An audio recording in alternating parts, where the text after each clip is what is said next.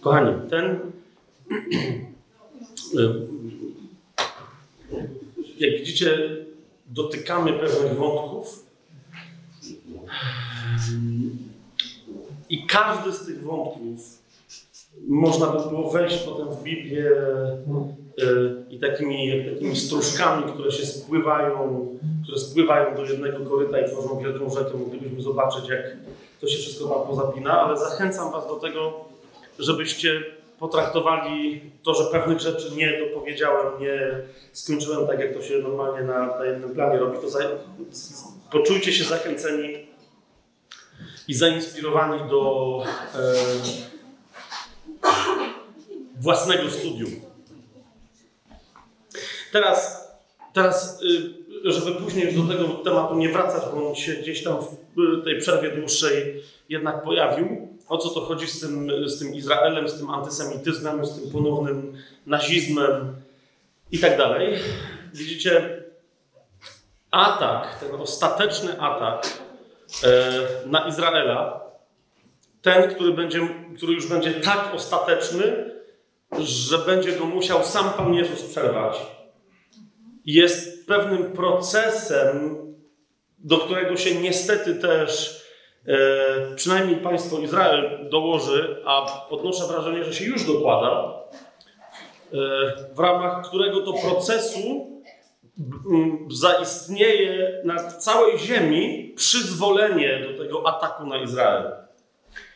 E, nazwa, bo ktoś mnie zapytał o co chodzi z tą, że ktoś tam pierwszy raz usłyszał e, to określenie e, o boleści Jakuba, czy też utrapieniu Jakuba, albo ucisku Jakuba. Niektórzy też tłumaczą ten fragment jako, jako kłopot Jakubowy. Nazwy są różne. Chodzi tylko o to, że, że u wszystkich, prawie u wszystkich proroków, którzy się odnoszą do, do, tych, do samego końca dziejów Izraela, ten problem cały czas się pojawia, ale nazwał go wprost w ten sposób Jeremiasz. To jest Księga Jeremiasza, 30 rozdział.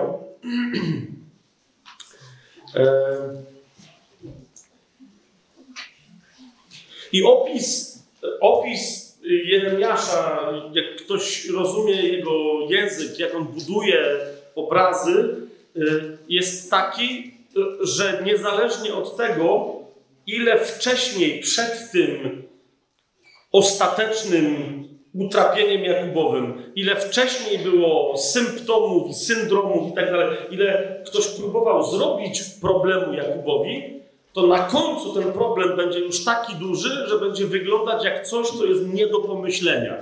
To znaczy, Księga Jeremiasza, 30 rozdział, to jest szósty i siódmy werset. Jeremiasz takie pytanie tam e, e, zadaje i mówi, żebyśmy my sobie też zadali takie pytanie jako czytelnicy czy słuchacze jego słowa. Mówi, pytajcie teraz i zobaczcie, czy mężczyzna może rodzić? To dzisiaj to jest dosyć specyficzne pytanie, no ale okej, okay. czy mężczyzna może rodzić? A on mówi, czemu więc widzę, że każdy mężczyzna trzyma ręce na biodrach, jakby rodził, albo jak urodzącej, i widzę, że ich twarze stały się blade. A więc mówi, przyjdzie takie cierpienie, w którym mężczyźni będą wyglądali, jakby rodzili. I nagle objawia, mówi, kiedy przyjdzie to. Wiecie, to jest Jeremiasz, który prorokuje upadek swojego ukochanego Jeruzalemu. To jest Jeremiasz, który mówi, że Izrael pójdzie na wygnanie. I on, I on mówi, ale widzę takie cierpienie, że nawet teraz przy wygnaniu całkowitym Izraela z jego ziemi i pójść do niewoli, nawet teraz nie będzie takiej sytuacji, jak ta, którą widzę. Będzie takie cierpienie. I w siódmym wersecie mówi: Biada, bo wielki jest ten dzień, że nie będzie mu równego. To jest czas utrapienia Jakuba, ale będzie z niego wybawiony. To jest czas utrapienia Jakuba, ale będzie z niego wybawiony. I stąd zasadniczo w każdym języku, jak, y, jakie ktoś przyjmuje tłumaczenie, jak jest przetłumaczony ten werset u Jeremiasza 30, w 30 rozdziale, w 7 wersecie, jak jest przetłumaczone to sformułowanie, tak później zasadniczo do całej teologii biblijnej to sformułowanie przechodzi. Tak? Dlatego ja, ponieważ dla mnie teraz punktem wyjścia od jakiegoś czasu jest UBG, to dlatego mówię utrapienie Jakuba, bo tu jest takie, tu jest takie tłumaczenie. Utrapienie Jakubowe, które skończy się tym, że nie jeden naród wystąpi przeciwko Żydom, nie parę narodów przyjmie jakąś ideologię antyżydowską, ale wszystkie narody będą tym antyżydostwem, antysemityzmem, antyizraelskim antysemityzmem. Wszystkie narody będą przejęte. Sobie otworzymy proroka Zachariasza, który ten temat dosyć poważnie rozważa, to on nie pozostawia co do tego żadnych złudzeń. Jak Ezechiel mówi, przedstawiam wam koalicję, Gog, władca Magogu, razem z nim Meszek, Tubal, Persowie i tak dalej, i tak dalej. Oni wszyscy przyjdą, a z nimi liczne narody. Tak Zachariasz nie pozostawia żadnych wątpliwości, to jest 14 rozdział Księgi Zachariasza i mówi, oto przychodzi dzień Jachwy, a twój łup będzie rozdzielony pośród ciebie. I teraz posłuchajcie, jak mówi o oblężeniu, nawet nie, to, nie że ataku na Izraela, ale o oblężeniu Jerozolimy. Mówi, zgromadzę bowiem do bitwy wszystkie narody przeciwko Jerozolimie. Zgromadzę bowiem do bitwy wszystkie narody przeciwko Jerozolimie, a miasto zostanie zdobyte, domy splądrowane, kobiety zgwałcone. Połowa miasta pójdzie do niewoli, a resztka ludu, tylko resztka ludu nie będzie wygnana z miasta. I ten moment prawie że kompletnego upadku Izraela i stolicy Izraela, czyli Jerozolimy, będzie dokładnie momentem, w ostatniej chwili przyjdzie Pan. Trzeci werset mówi, wtedy Pan wyruszy i będzie walczył przeciwko tym wszystkim narodom, tak jak wtedy, kiedy walczył w dniu bitwy. To, to już nam mówi, jak będzie wyglądać, jaki będzie mieć charakter ta bitwa, ponieważ Zachariasz tutaj odwołuje się, jeżeli pamiętacie, czy macie teraz od razu bezpośrednie skojarzenie, kiedy Pan niby walczył w dniu jakiejś bitwy. Przypomnijcie sobie Jozułego, który tuż przed starciem, o którym sądził, że będzie wielkim, a jego rezultat jest niepewny, nagle spotkał się z potężnym wojownikiem, którego uznał, ponieważ go zobaczył, więc uznał, że to nie może być człowiek, bo to jest za poważna istota, no ale to też nie może być Bóg, bo go widzi, więc uznał, że to jest anioł. I w związku z tym, jak do anioła potężnego i ze strachem, zwrócił się do niego z pytaniem: Powiedz mi tylko jedno, czy ty jesteś z nimi, czy ty jesteś z nami. Bo jakby, rozumiecie, on zrozumiał, że w tym momencie właśnie widzi rezultat. No nie? Jak on jest z nimi, to przegraliśmy. Jak jest z nami, to wygraliśmy. To już tam się nie ma co dalej przejmować. A w odpowiedzi słyszy no rzecz, która dzisiaj dla, dla, przez wieki dla Żydów, którzy nie przyjęli prawdy o bóstwie Jezusa i o Jego wcieleniu, stanowi spory problem, ponieważ nagle od tego anioła, którego widzi, potężnego wojownika, słyszy odpowiedź, która może wyjść tylko i wyłącznie z ust samego Boga. Przede wszystkim zdejmij buty, bo ziemia, na której stoisz, jest święta.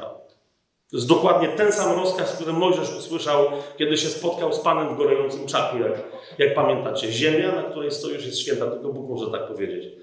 I to jest dokładnie, nie będę teraz tam całych sięgnijcie do księgi Jozułego, to będziecie wiedzieli, z kim oni tam walczyli, o co poszło, ale to jest to. I do tego Zachariasz się odwołuje. Mówi, że wtedy Pan wyruszy i będzie walczył przeciwko tym narodom dokładnie tak, jak wtedy, kiedy walczył w tamtym dniu bitwy, o którym no my Żydzi wszyscy wiemy, o co chodzi. I widzicie, tu jest właśnie ten moment, czwarty werset, w którym Biblia mówi, jego nogi staną wtedy, w tym dniu, na górze oliwnej, która leży naprzeciw Jerozolimy od strony wschodniej. A góra oliwna rozpadnie się na pół, na wschód i na zachód, tworząc wielką dolinę, i połowa tej góry cofnie się na północ, a połowa jej na południe. To a propos biblijnej precyzji, nie tylko jakie nas czekają zmiany w przyszłości historyczne, ale także geograficzne. To nie jest jedyne miejsce, które mówi, jakie zmiany geograficzne zajdą, e, bo, bo takich jest więcej, ale to jest jedno z nich. Tak? My wiemy, że, że wtedy w okolicach tego miasta, które dzisiaj znamy jako Jerozolimę, dojdzie do tego rodzaju zmiany. Tam, gdzie była góra, teraz będzie dolina, a powstaną dwa pagórki, one nie będą wyższe yy, od Syjonu, no ale okej. Okay. Wtedy będziecie uciekać do Doliny tych Gór, bo Dolina tych Gór będzie sięgać aż do Azal. Będziecie uciekać, jak uciekaliście przed trzęsieniem ziemi za dni Uzjasza, króla Judy. Potem przyjdzie Pan, mój Bóg, a z nim wszyscy święci. To już jest, jeżeli jesteś nowonarodzoną, biblijnie wierzącą osobą, to to jest jeden z tych fragmentów w Starym Przymierzu, który mówi o Tobie. Przyjdzie Pan, a z Nim przyjdą wszyscy Jego święci. Pan przyjdzie ze swoimi aniołami, ale też przyjdzie ze wszystkimi swoimi świętymi. To jest dzień, to jest też miejsce, w którym my będziemy lądować, że tak powiem.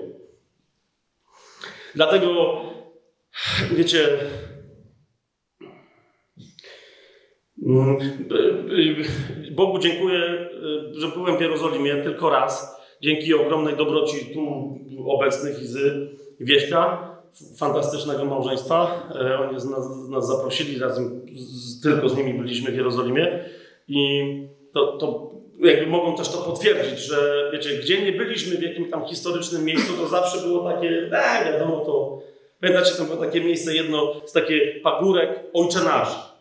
I tam jest, było ileś tam szekli, żeby wejść i tam, wiecie, gość tam w okienku był absolutnie przekonany, że tutaj Jezus nauczył modlitwy Ojcze Nasz. Jasne. I jakby co, z pokolenia na pokolenie tam był pasterz, który o tym zaświadczał, czy nie wiem, jest nagranie, czy co. No wiecie, więc te wszystkie historyczne miejsca w Izraelu to jest trochę taki, taka siara, bo jakby wiesz to, co się gdzie stało, ale Góra Oliwna jest górą oliwną. To jakby tu nikt nie, nie ma żadnych wątpliwości. Więc jest to jedno z takich miejsc, na które warto się wspiąć. Myśmy się wspinali. Tam się wiecie. Popatrzcie na mnie, to było śmieszne. Nie, tu same kozice górskie i ja. Tam się warto wspiąć. Jezus tam często siadał i patrzył na, na, na Jerozolimę. Ona inaczej oczywiście wtedy jednak trochę wyglądała, ale, ale zawsze to jest, to, jest, to jest ta sama Jerozolima, te same mury i ta sama brama.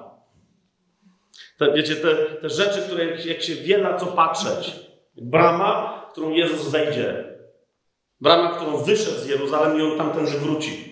Nie będę teraz tego, tego rozważał, ale rozumiecie, jak, jak pięknie, jak, jak jest geniusz w Bożych trasach, znakach.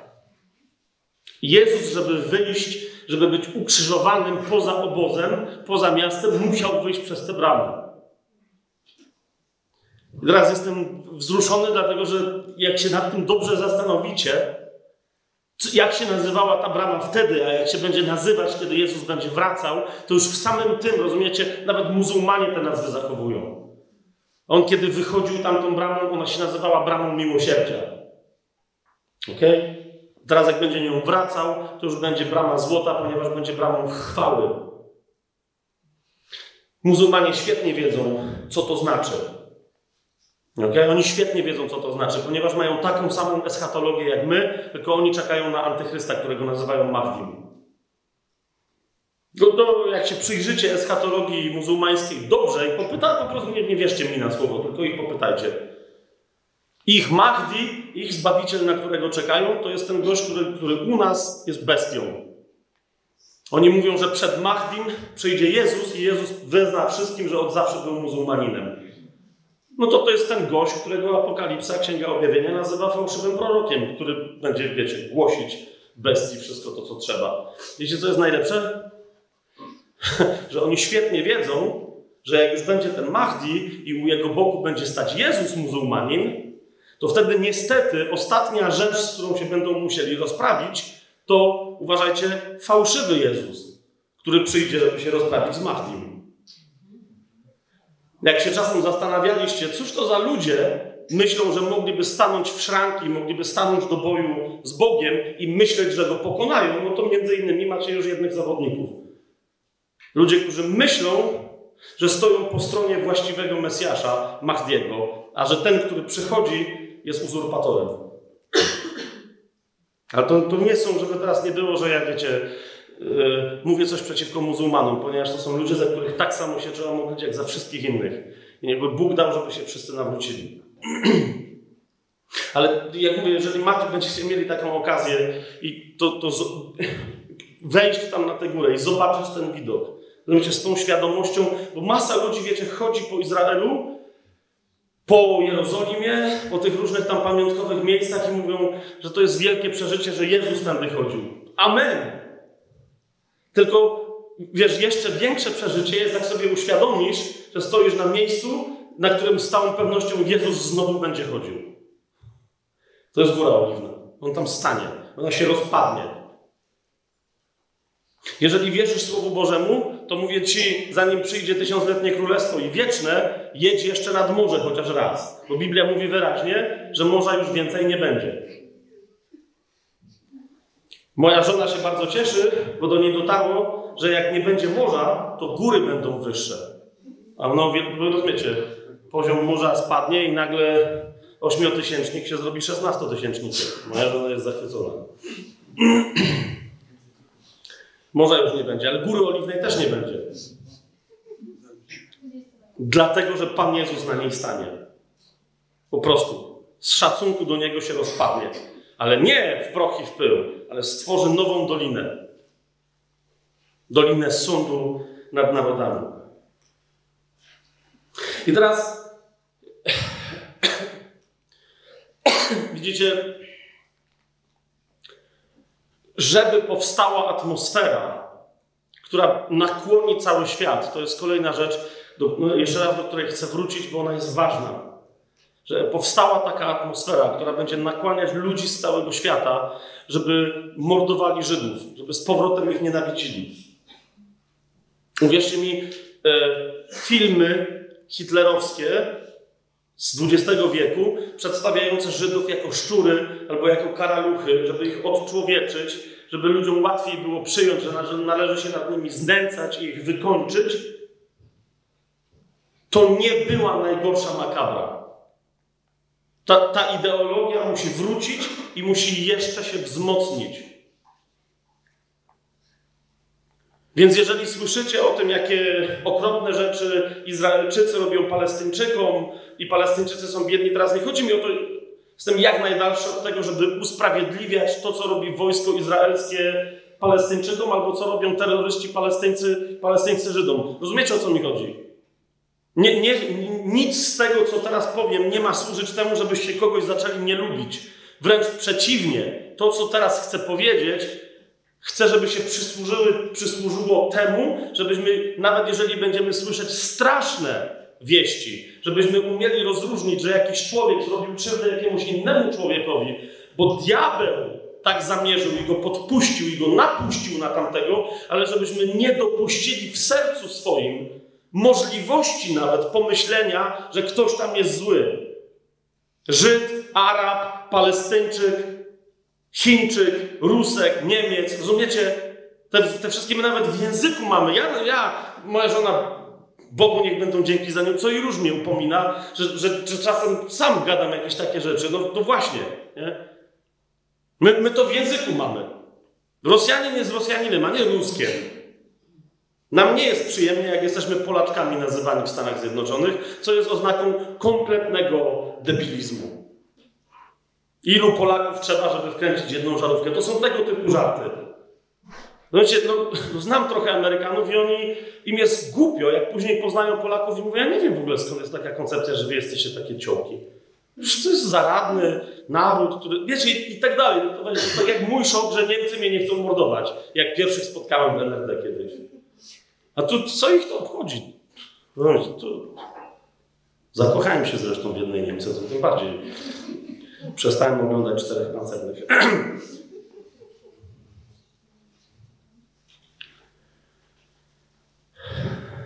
Nie, nie będę teraz tego więcej roztrząsał, tylko, tylko chcę, żebyście to zobaczyli, że to się już zaczęło. Rozumiecie, to się już atak na naród izraelski się już zaczął.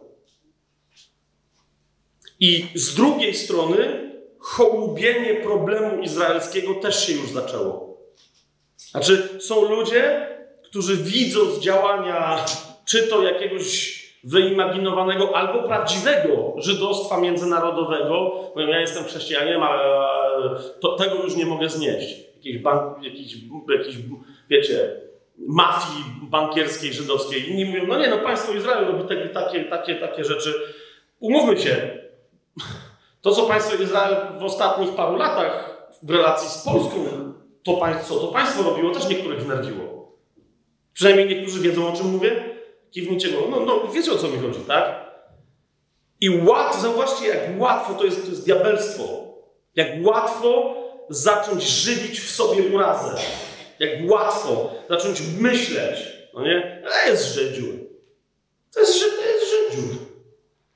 Ja pamiętam, jak musiałem sam, sam sobie uświadomić, czemu kiedyś, kiedyś, kiedyś pracując z cyganami, czemu jakoś taki przez długi czas byłem nieskuteczny w tej pracy. Nie mogłem się za bardzo z nimi dogadać, przecież oni chcieli. Właśnie to jest to. To jest to. Bo dla mnie cygan to był cygan. To znaczy, bo, bo u mnie w domu się nie mówiło nie kłam, nie oszukuj, tylko się mówiło nie cygań. No więc cygan wiadomo co robił. Cyganił. No przecież chyba nazwa wiecie o co chodzi, tak? I dlatego ja celowo zacząłem mówić o, o, o cyganach Romowie. To nie jak, jakkolwiek, byle nie, no bo cygan, no to wiecie.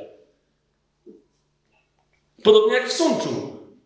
Nie wiem, yy, i w tamtych okolicach, tam jest, może być, bo to już prawie Słowacja, to jest romski problem. ale, ale jest, jeżeli ktoś jest stamtąd, żeby zacząć zmieniać swoje myślenie o Romach, musi przestać nazywać kogokolwiek określeniem ciapaty. Tam się tak mówi na, e, na ludzi o takim mniej więcej kolorze tym skóry. I teraz chodzi o to, że nagle wiecie, nagle świat się otworzył, Polacy się pojawili w różnych miejscach i nagle poznali całą masę różnych ciapatych. I nagle się okazało, że nienawidzą pół świata. No, Hindusów samych jest miliard, czy tam nawet wiele, nie, wiem nawet ile. Rozumiecie o co mi idzie? I teraz, kochani, my to mamy w sercu. Po prostu. My to mamy w sercu. Pamiętam, kiedyś prowadziłem taką modlitwę, poprowadził nas Bóg, naprawdę poprowadził nas Bóg w stronę e, konkretnych zranień, z którymi ludzie przyszli na tą modlitwę. I tam, wiecie, wychodziły straszne rzeczy. Molestowania seksualne, kościelne, wcale nie katolickie. Zdrady. I to takie zdrady, że rozumiecie, człowiek, który przewodził tam jakiejś kongregacji, już mniejsza o to jakiej, nawet sam nie pamiętam, ale chodzi o to, że się okazało, że on sprzedawał jakichś ludzi na SB. Nie, nieważne, ale rozumiecie, szła ta modlitwa, pojawiały się słowa poznania i w pewnym momencie pojawił się zgrzyt, w sensie zaczęliśmy rozmawiać w dwie, trzy osoby, ktoś tam mówi, że ma słowo poznania, ja miałem to samo. Ktoś jeszcze miał i rozumiecie, że byśmy się dalej bali, czy to powiedzieć, bo tam była teologia taka, że tu niektórzy ludzie nie wierzą czy nie rozumieją, jak, będąc nowonarodzonymi, jakieś tam poprzednie pokolenia miałyby na nich wpływać i tak dalej, więc może tego lepiej nie mówić. Ale wiecie, ja mówię, słuchajcie, bo chodzi, o co chodziło? Że, że na sali są ludzie, którzy są zranieni tym, że są Polakami. I jakby pytając Pana, co to znaczy, po prostu nosili w sobie nienawiść do konkretnych narodów, do Rosjan i do Niemców. Konkretnie. I nam się, wiecie, tam się, nam się wydało, że to co to, o drugą wojnę światową chodzi, czy coś, że komuś tam dziadka czy pradziadka ktoś, ktoś zabił, ale nie! Właśnie o to chodzi, że tu nie szło o żadne uwolnienie jakieś pokoleniowe. Chodziło o to, że ktoś się tego nauczył. Dzisiaj, w XXI wieku w Polsce, po prostu nauczył się podskórnie kogoś tam nienawidzić. Dlaczego? No właśnie dlatego, że może ktoś mu kogoś zabił, ale rozumiecie, to jest takie, więc dzisiaj musisz kultywować tę pamięć. Dosłownie, jak się nad tym zastanawiałem, czy w ogóle o tym mówić, właśnie myśląc i się modląc nad tym naszym spotkaniem, usłyszałem mojego y, znajomego, nie do końca dobrego znajomego, no okej, okay, który dziennikarza, y, dość popularnego w pewnych kręgach, i, po, po zastanawiałem się, miałem nacisk, żeby posłuchać. Mówię, okej, okay, dobrze, posłucham, nie wiem dlaczego. Miałem nacisk duchowy, żeby go posłuchać. A to taki zrównoważony człowiek, naprawdę rozumiejący pewne tam procesy, które się. Nie, nie taki dziennikarzyna jakiś, wiecie, tylko taki. I on nagle mówi taką rzecz, mówi, jeżeli dzisiaj, bo to było przy okazji wyborów, jeżeli dzisiaj widzicie pewnych ludzi i nie rozumiecie, czemu oni wygrywają, mówicie, przecież to jest nikt. W ogóle kto czemu. Przecież to. Przecież to jest jakiś chłam, ta, ta, to jest dziadostwo. I ty myślisz, jak się ten ktoś gdzieś dostał? Mówi, to sprawdź ich rodziców i ich dziadków. I będziesz wiedzieć, że to byli komuniści, że to byli coś tam, że to byli, myślę, okej, okay, dobra. I co teraz powiesz, że no nie wiem, może oni się tego nauczyli w domu? Nie, rozumiecie, no, konkluzja jest nagle taka, my, prawdziwi Polacy, nie możemy im tego zapomnieć. I koniec. Oczywiście cofam, myślę, Witek, ty, co ty w ogóle, człowieku, jak, co, co, co ty, jak masz, co, to jaka to jest wina? Jasne, że wiecie, ktoś się mógł urodzić w jakimś domu i się czegoś nauczyć. Rozumiecie, o co mi chodzi? Ale jemu nie o to chodzi. Jemu chodzi o to, że to jest wina tego człowieka, że miał jakiegoś dziadka. No to fajnie, ty masz fuksa, że nie miałeś takiego dziadka, ale teraz rozumiesz. Ja ci mam teraz pamiętać, że miałeś fajnego dziadka i od tej pory mam uważać, że jesteś super gościem? Ale czujecie, co, co jest, jest jakiś taki nurt i, i bywa, że chrześcijanie zaczynają w to wchodzić. Zaczynają myśleć w ten, jakąś tak o, a no, no okej, okay, nie będę, a potem nagle nie lubią kogoś.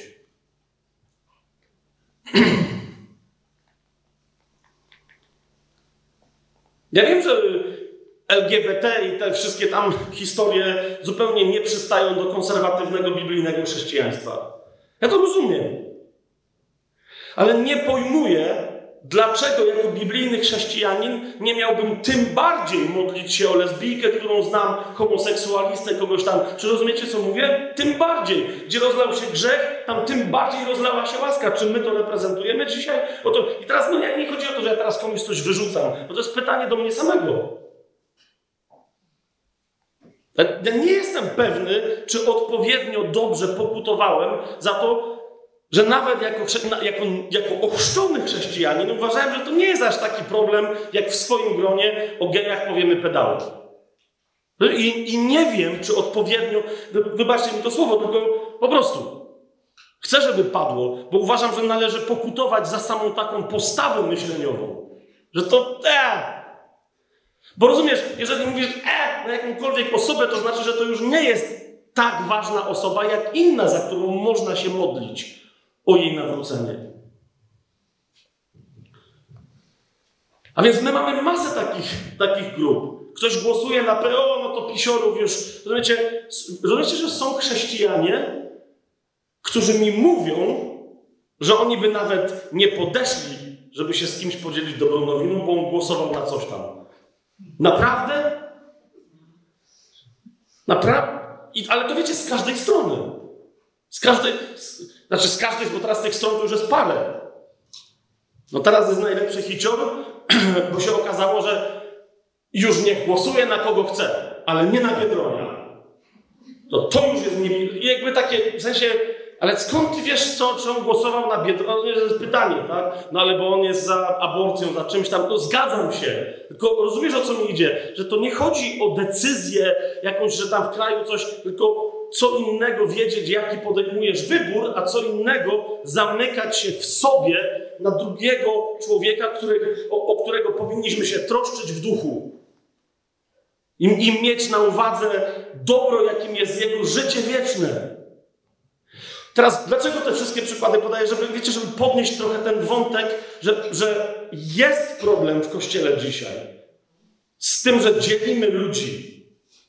Jak chodzi o nasz interes, jakikolwiek by nie był, to bardzo szybko sobie przypominamy wersety nie ma już Żyda ani Greka, mężczyzny ani kobiety. Wiecie o co mi chodzi? Jak to jest mój interes, mojego czegoś tam. Ale jak to jest interes jakiegoś geja, e, to... Biblia nie mówi, że już nie ma geja. Jest gej. No to jest. No to ma problem. Naprawdę myślisz, że to jest najgorszy problem, jaki można mieć na świecie?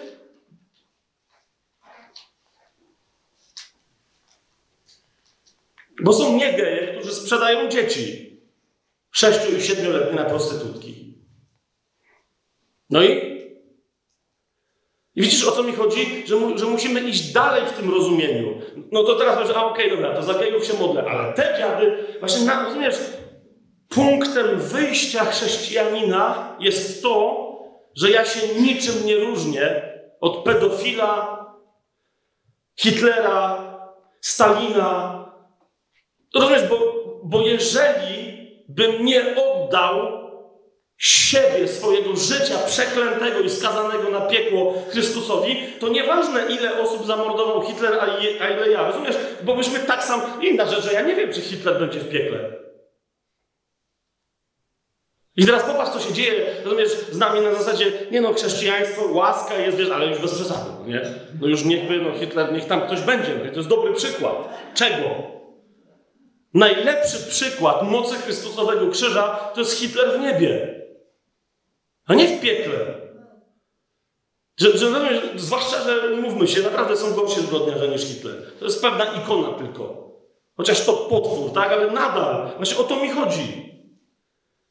Jeżeli jeden grzech mam na sumieniu, który, który jeden tylko, który był tak wszakże ciężki, że zamordował we mnie oryginalną łaskę, z jaką zostałem stworzony, tak, że muszę być, musiałem być odkupiony krwią Chrystusa, tyle. To wtedy jest pomiędzy wszystkimi martwymi ludźmi, którzy dopiero potrzebują nowonarodzenia, pomiędzy nimi wszystkimi jest znak równości. Na tym cała rzecz polega. A kiedy więc ja patrzę teraz na grzesznika, nieważne czym grzeszy, pierwsze co mam w nim widzieć, to siebie sprzed nawrócenia. To jest jedyna właściwa perspektywa. I wtedy mogę powiedzieć, nie ma Żyda, ani Greka, mężczyzny, ani kobiety, nie ma kogoś, kto by się nie nadawał do zbawienia. Amen? No, to jest to. A jednak, jeszcze bo zauważcie, jaki ja temat poruszam. Bo jestem przekonany, że się to zaczyna w kościele po prostu. I, i nie wiem, co jeszcze mam zrobić. W duchu, znaczy, co ja mogę zrobić? W Duchu Świętym wierzę, że, że, że, że wszyscy, jak tu jesteśmy, jesteśmy wrażliwi na Jego głos. Nie wolno nam nawet myśli do siebie dopuścić, żeby nienawidzić oko Boże. Rozumiecie? I źrenice tego oka, żeby nienawidzić naród Izraela.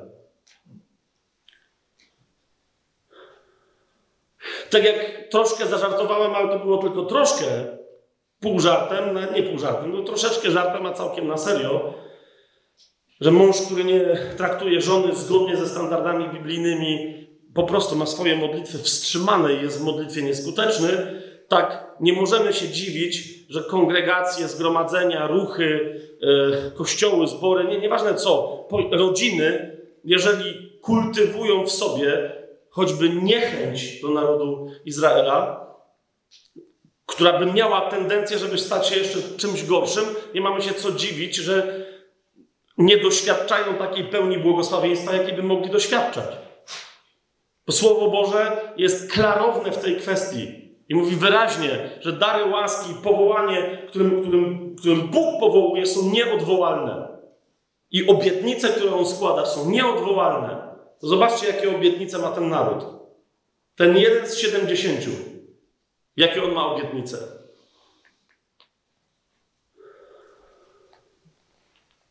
Powinniśmy trwać w postawie błogosławienia tego narodu i dziękowania w duchu tego, co Paweł w liście do Rzymian napisał. Jeżeli sobie yy, chcecie ze mną to teraz otworzyć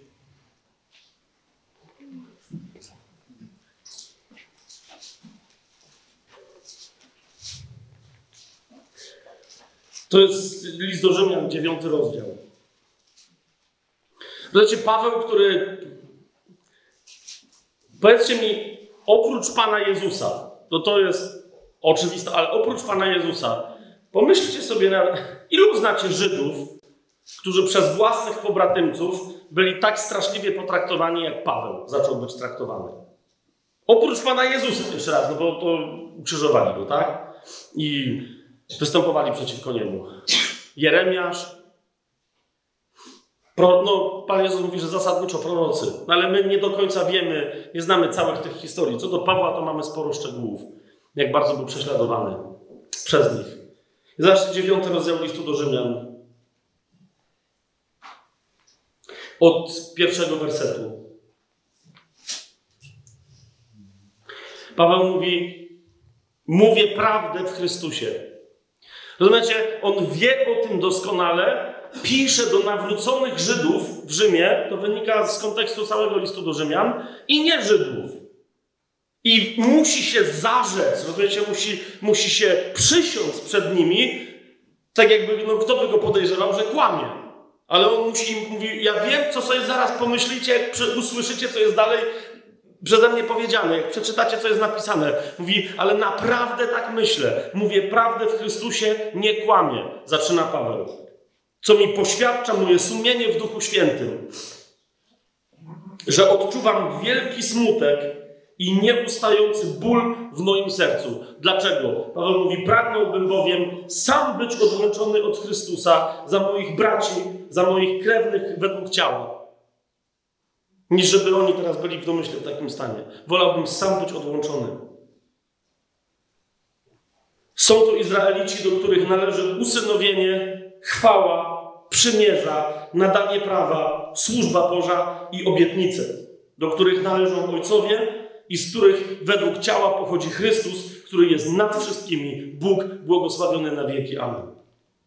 Lecz samo to wyznanie, jeżeli gdzieś w sercu miałoby ci się zrodzić zamysł, że a, Żydzi to oni zdradzili Pana Jezusa, nieważne co by to było, proszę Cię, wróć do tego tekstu. Kto miałby prawo ich oskarżać, a on mówi, wolałbym sam być odłączony, a żeby oni byli przyłączeni, niż żeby to wyglądało tak jak, tak jak teraz.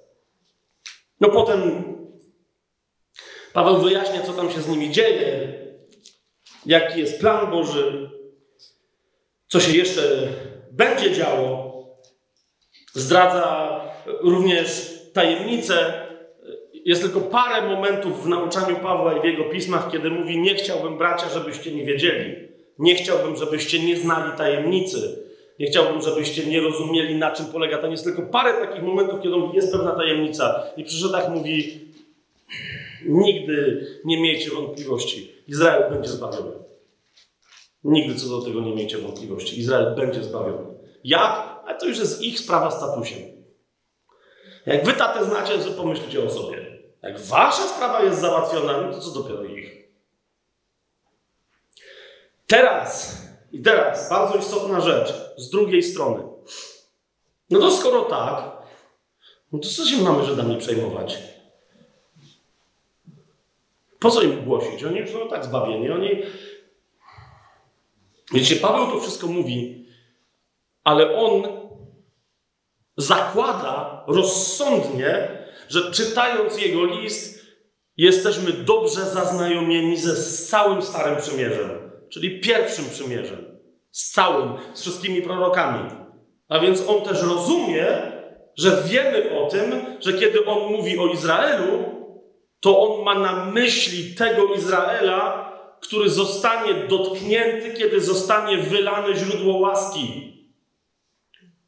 A więc ma na myśli tę resztkę Izraela, która rozpozna w tym, którego przebili, tego, który jest Panem. I wreszcie złapią powiedzą: hej, hej!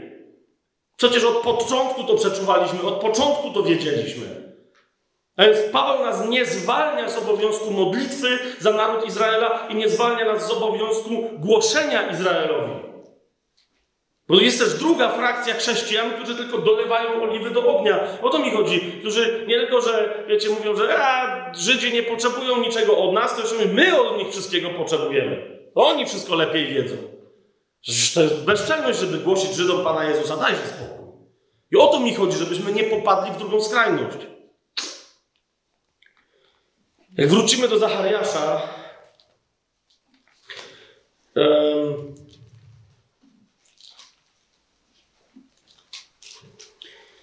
nie mam jakiegoś bardzo wielkiego doświadczenia w tej kwestii, ale jakieś tam mam.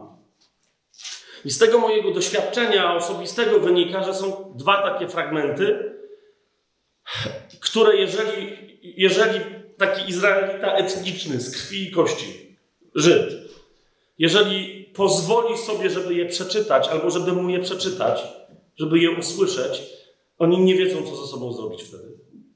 Ponieważ oni wiedzą, o kim tam jest mowa. To jest 53 rozdział Izajasza. No kiedyś widziałam, widziałem to na własne oczy. No to akurat nie byłem ja, nie znam, ale oczywiście było ogłoszenie. Jeden z Żydów mówi, że ale co, 53 rozdział. Wielu z nich w ogóle, wiecie, nigdy się nie zaznajomiło z tymi fragmentami pisma. Bo tam niektórzy wiedzą, o co chodzi. I to mówi, dobra, tam padła propozycja, ja ci przeczytam ten fragment.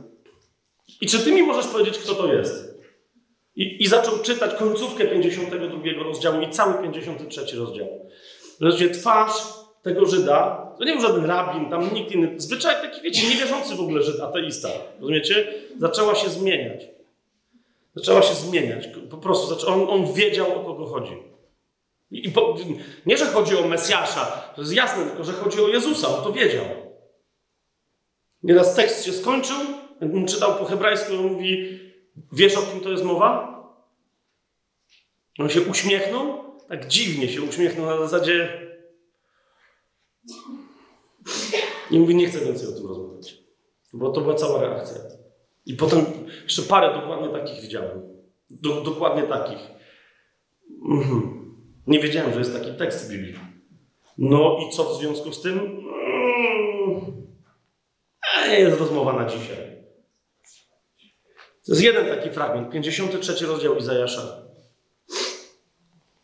Nawiasem mówiąc, jeżeli ktoś z Was jest przekonany, że nie wiem, Nowy Testament pod wieloma względami jest lepszy niż Stary, jest jedno pismo. Ja na przykład sobie nie wyobrażam, jak miałbym rozważać krzyż Chrystusa bez Izajasza. Jak miałbym rozważać krzyż Chrystusa bez psalmów. Jak miałbym rozważać krzyż Chrystusa bez wielu innych tekstów, niby Starego Testamentu? Nowe Przymierze o wielu e, rzeczach nam nie mówi, o wielu nie pisze, dlatego że uważa, że autorzy Nowego Testamentu, że nie muszą tego robić, no przecież jest pismo, które się nazywało pismem, zanim powstały pisma apostolskie Nowego Testamentu. Więc dla nas również, tym bardziej, rozumiecie, Chrystus jest tam wymalowany tak dokładnie, że się nie da pomylić. Ale jest drugi taki tekst. Wrócimy do księgi Zachariasza.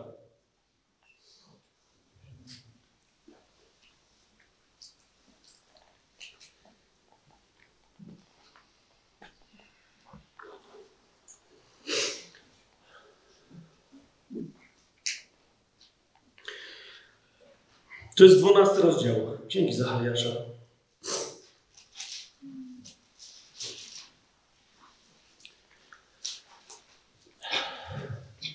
Myślę, niezależnie od tego, co w tym tekście jest powiedziane, bo to jest proroctwo, że teraz, zwłaszcza teraz, kiedy, kiedy dokładnie ten czas utrapienia na Jakuba przychodzi, bo Jakub się prosi. Jeszcze raz powtarzam, nie chcę wcale państwa Izraela usprawiedliwiać, bo Jakub się prosi.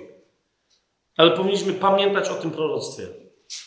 Że dokładnie, kiedy trochę się prosząc, a trochę nie, przeciwko Jakubowi, przeciwko Izraelowi powstanie nie ten spisek najbliższych sąsiadów, ale ten najgorszy alians, najgorszych wrogów, że Pan wtedy pamięta nie o tym, czy sobie Izrael zasłużył, czy nie. To jest dwunasty rozdział Księgi Zachariasza. Ósmy werset i dalej.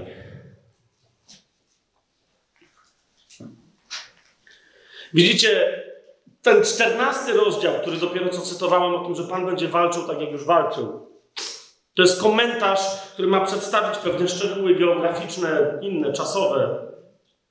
Ale charakter tej obrony jest przedstawiony wcześniej. W tym. Dzięki. W ósmym wersecie. Wtedy, kiedy Pan przyjdzie, po co Pan przyjdzie na ziemię w pierwszej kolejności?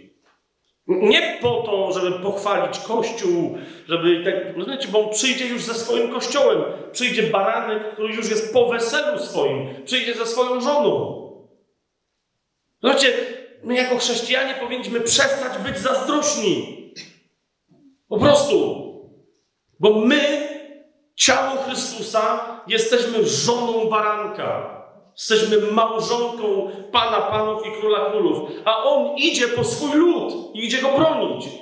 Kapujesz? Jeżeli jest facet, idzie kogoś bronić, jak ma waleczną żonę, to dlatego też mężczyźni trochę należą do ciała Chrystusa. Rozumiesz o co było trochę bardziej czule, bo kobiety są waleczne. Więc chodzi mi o to, że jak Pan wróci, to jego żona też będzie walczyć. Rozumiesz? To jest nasze przeznaczenie. Zobacz, ósmy werset. W tym dniu Pan będzie bronił mieszkańców Jerozolimy. On po to wróci, nie do nas wróci. My już będziemy z nimi, my z nim wrócimy.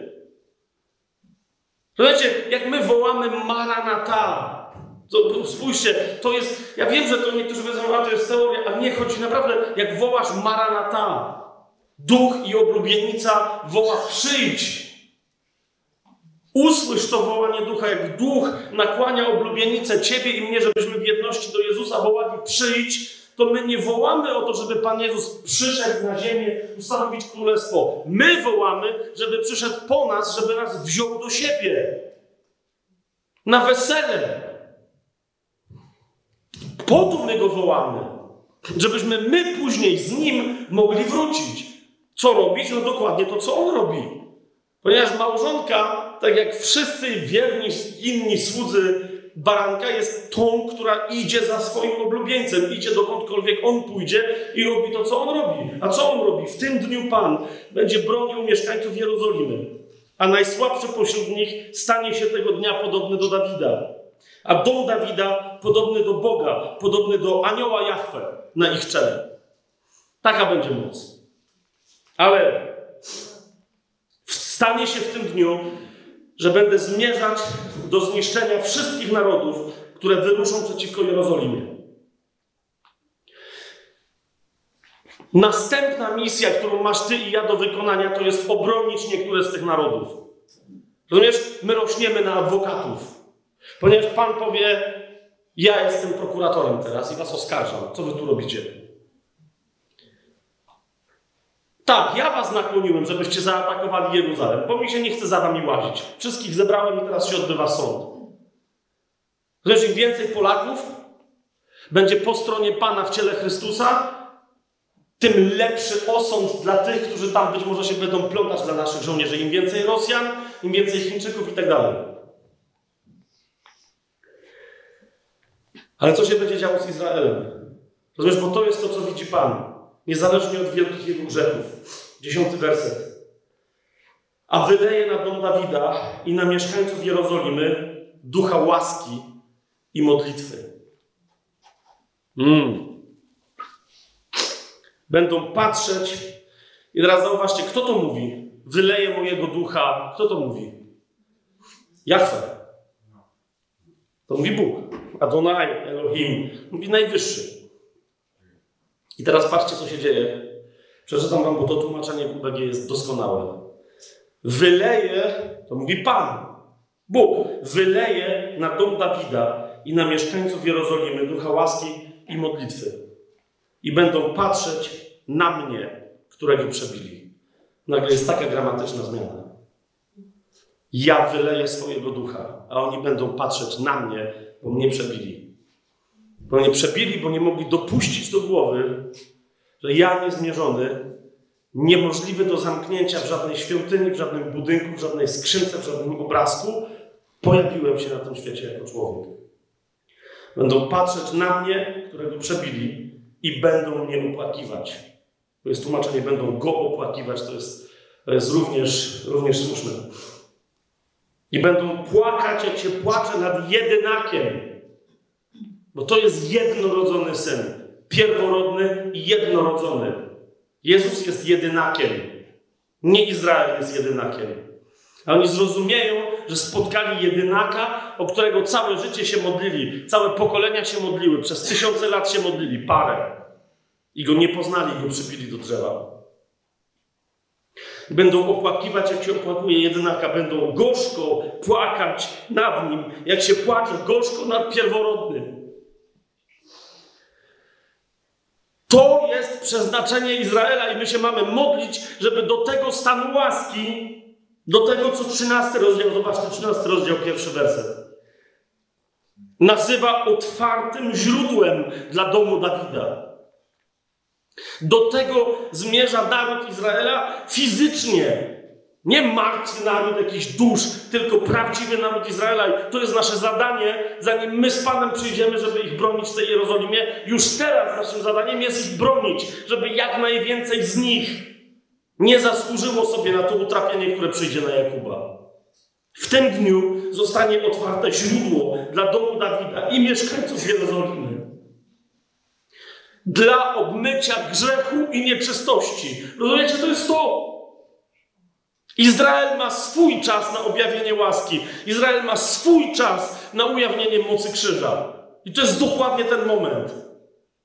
Ktokolwiek tam będzie w tym narodzie, słowo, nie chcę mi się tego wszystkiego teraz czytać, nie mamy na to czasu, ale Zachariasz mówi wyraźnie, że wszystkie pokolenia Judy, wszystkie pokolenia Jakuba, cały Izrael będzie dotknięty tą łaską i nie będzie nikogo, kto powie, Bah!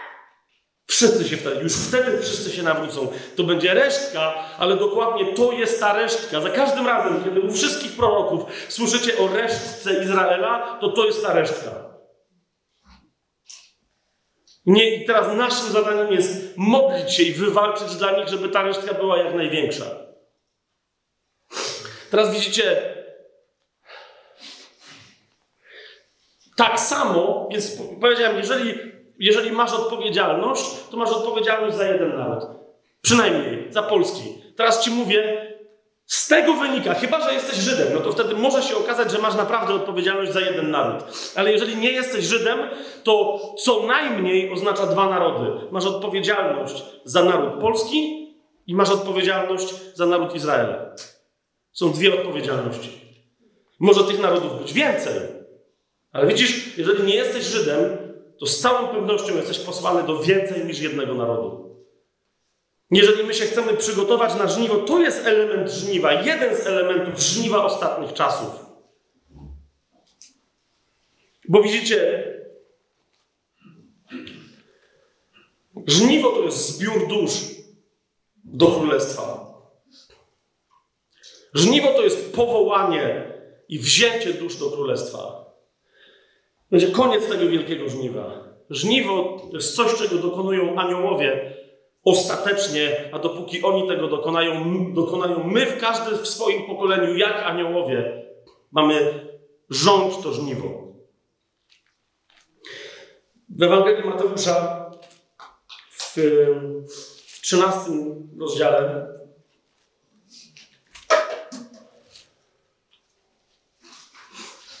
To jest tylko jeden taki podstawowy trop. Ale chodzi mi o to, że tam Pan Jezus tak jasno to powiedział, że no jaśniej się nie da.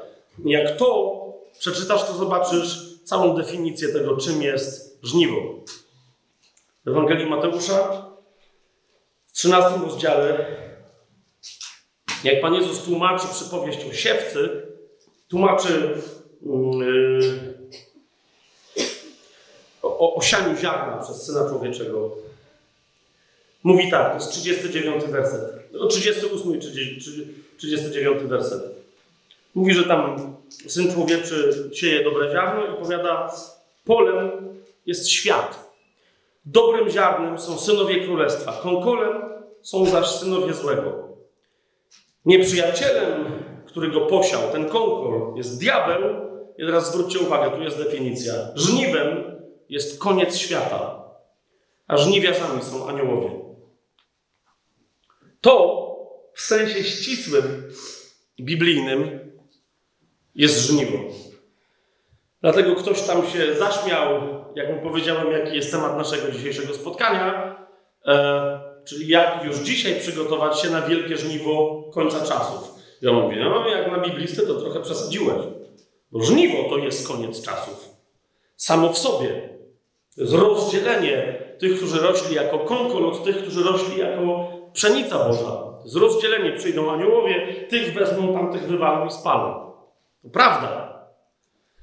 To żniwo, o którym tutaj mówi Pan Jezus. Ale za każdym razem, w każdym pokoleniu, które nie jest jeszcze ostatnim pokoleniem, które nie jest jeszcze ostatnim pokoleniem ostatnich siedmiu lat, czy trzy i pół roku przed powrotem Pana Jezusa na ziemię, każde wcześniejsze pokolenie ma swój obowiązek swojego żniwowania.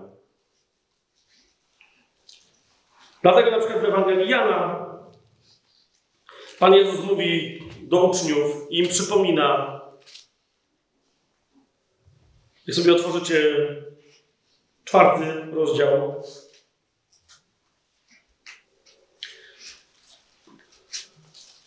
Pan Jezus mówi, i, i to jest niezwykle istotne, zaraz po tym, kiedy powiada, że jego pokarmem jest pełnić wolę Bożą. Zauważcie, co się dzieje. To jest czwarty rozdział Ewangelii Jana.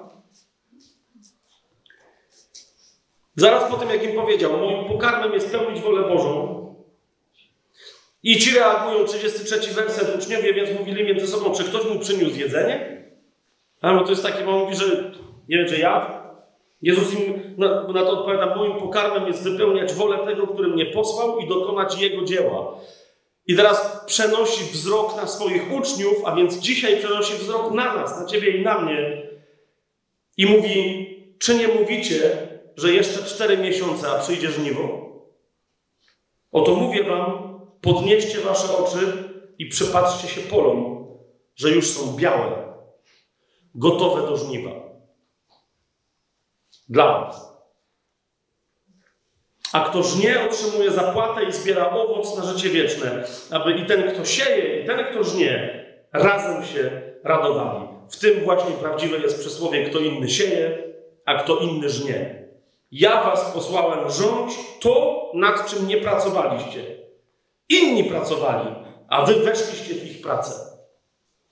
Oto jest tajemnica naszego współuczestnictwa w żniwie z aniołami. Z Panem, który jeden sieje, drugi podlewa, sam Pan daje wzrost. On wyznacza czas żniwu. Żniwo bieleje. Widzicie, problem polega na tym, że żniwo jest wprawdzie wielkie, że jeszcze zacytuję inny znany bon Pana Jezusa, bo niektórzy uważają, że to jest takie powiedzonko.